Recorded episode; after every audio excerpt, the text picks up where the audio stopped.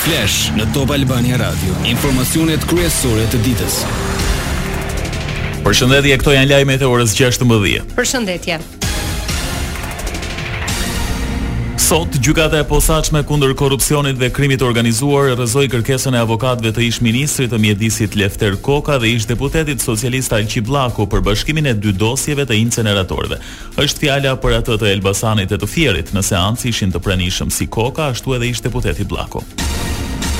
Por ish-ministri Lefter Koka shfaqi probleme shëndetësore gjatë seancës dhe la ambientet e gjykatës me autoambulancë. Prokuroria e Posaçme SPAK e akuzon për shpërdorim të detyrës, pastrim të parave, korrupsion tre akuza të rënda me të cilat Ish-ministri tashmë do të nisë betejën me drejtësinë.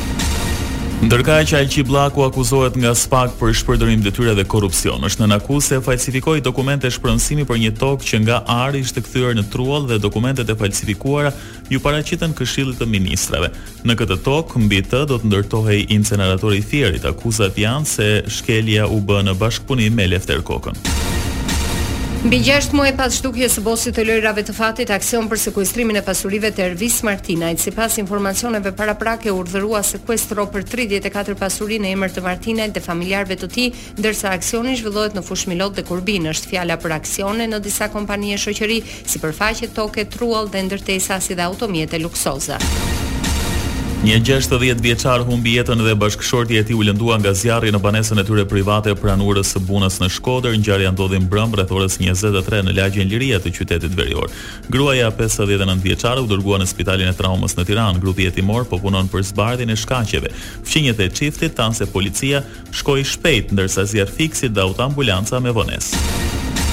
Me vendim të Bordit të Transparencës, ndryshojnë sërish çmimet e karburanteve në vendin tonë. Nga ora tetëmbëdhjetë e ditës së sotme, litri i naftës do të shitet njëqind e nëntëdhjetë e pesë lekë, pra me një rritje me pesë lekë krahasuar me vendimin e fundit. Rritje me katër lekë ka pësuar dhe çmimi i benzinës, duke u shitur me njëqind e tetëdhjetë e nëntë për litër. Po ashtu, gazi ka një rritje me pesë lekë për litër në tetëdhjetë lekë. Partia Demokratike do të marrë fonde për zgjedhjet vendore të katërmbëdhjetë maj të këtij viti edhe pse nuk mori pjesë duke bojkotuar votimet lokale të dy mijë e nëntëmbëdhjetës rreth katër vjet më parë.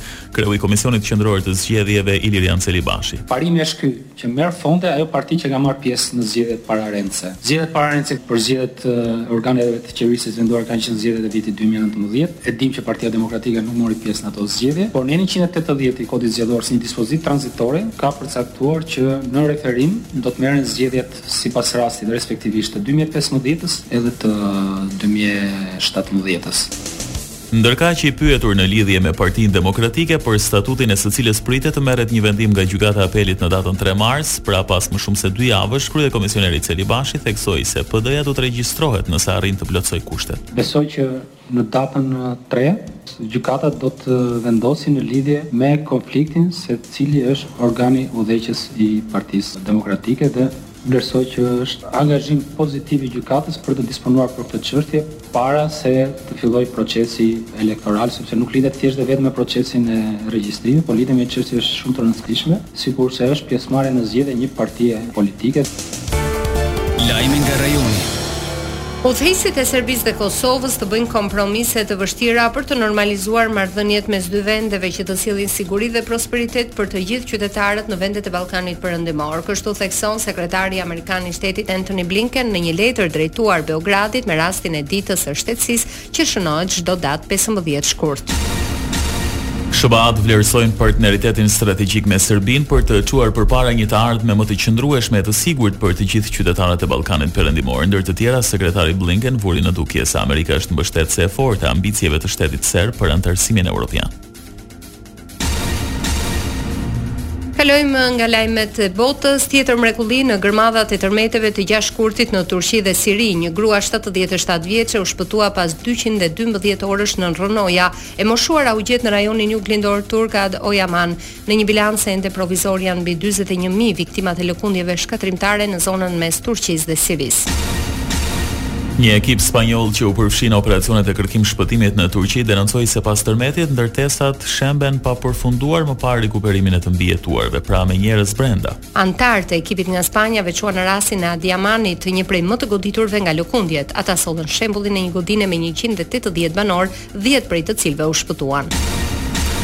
Një teknologji e projektuar nga NASA u aplikua pas tërmeteve shkatërruese në Turqi e Siri për të ndihmuar lokalizimin e të bllokuarve nën rrënoja. Agjencia Hapësinore Amerikane tha se grupeve të shpëtimit në Turqi u dërgua një teknologji e ashtuquajtur spin-off e NASA-s që mund të zbulojë njerëzit e bllokuar nën rrënoja nga SpecOps grupi i Floridës.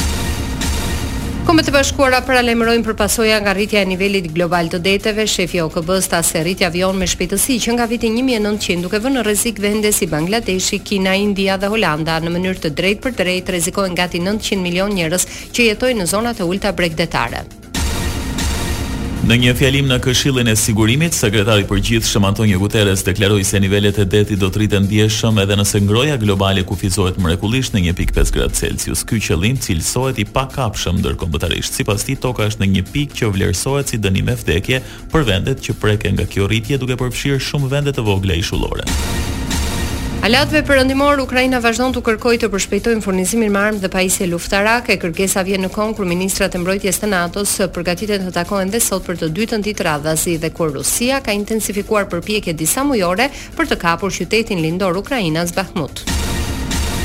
Lufthansa pësoi dëmtim serioz të sistemit informatik duke e detyruar të vonojë ose anulojë fluturime. Sistemet e kontrollit dhe imbarkimit u prekën rëndë në aeroportin e Frankfurtit, më i madhi i Gjermanisë. Kompania ajrore po punon për të rregulluar problemin. Si rezultat i punimeve në një linjë hekurudhore në Frankfurt, disa kabllo me fibra optike u prenë nga një ekskavator. Parashikimi i motit. Vendi ynë do të vijojë të ndikohet nga kushtet e qëndrueshme atmosferike falë masave ajrore të ftohta me origjinë veriperëndimore. Moti është i kthjellët me vranësira të pakta në relievet malore në veri të territorit. Sa i përket temperaturave, variojnë nga minus dy në tetëmbëdhjetë gradë Celsius. Ndoqët një përmbledhje kryesore të lajmeve të ditës. Takimi informativ i radhës në Top Albania Radio është në orën 17. Unë jam Edi Hallaçi. Unë jam Doriana Lato. Kjo është Top Albania Radio.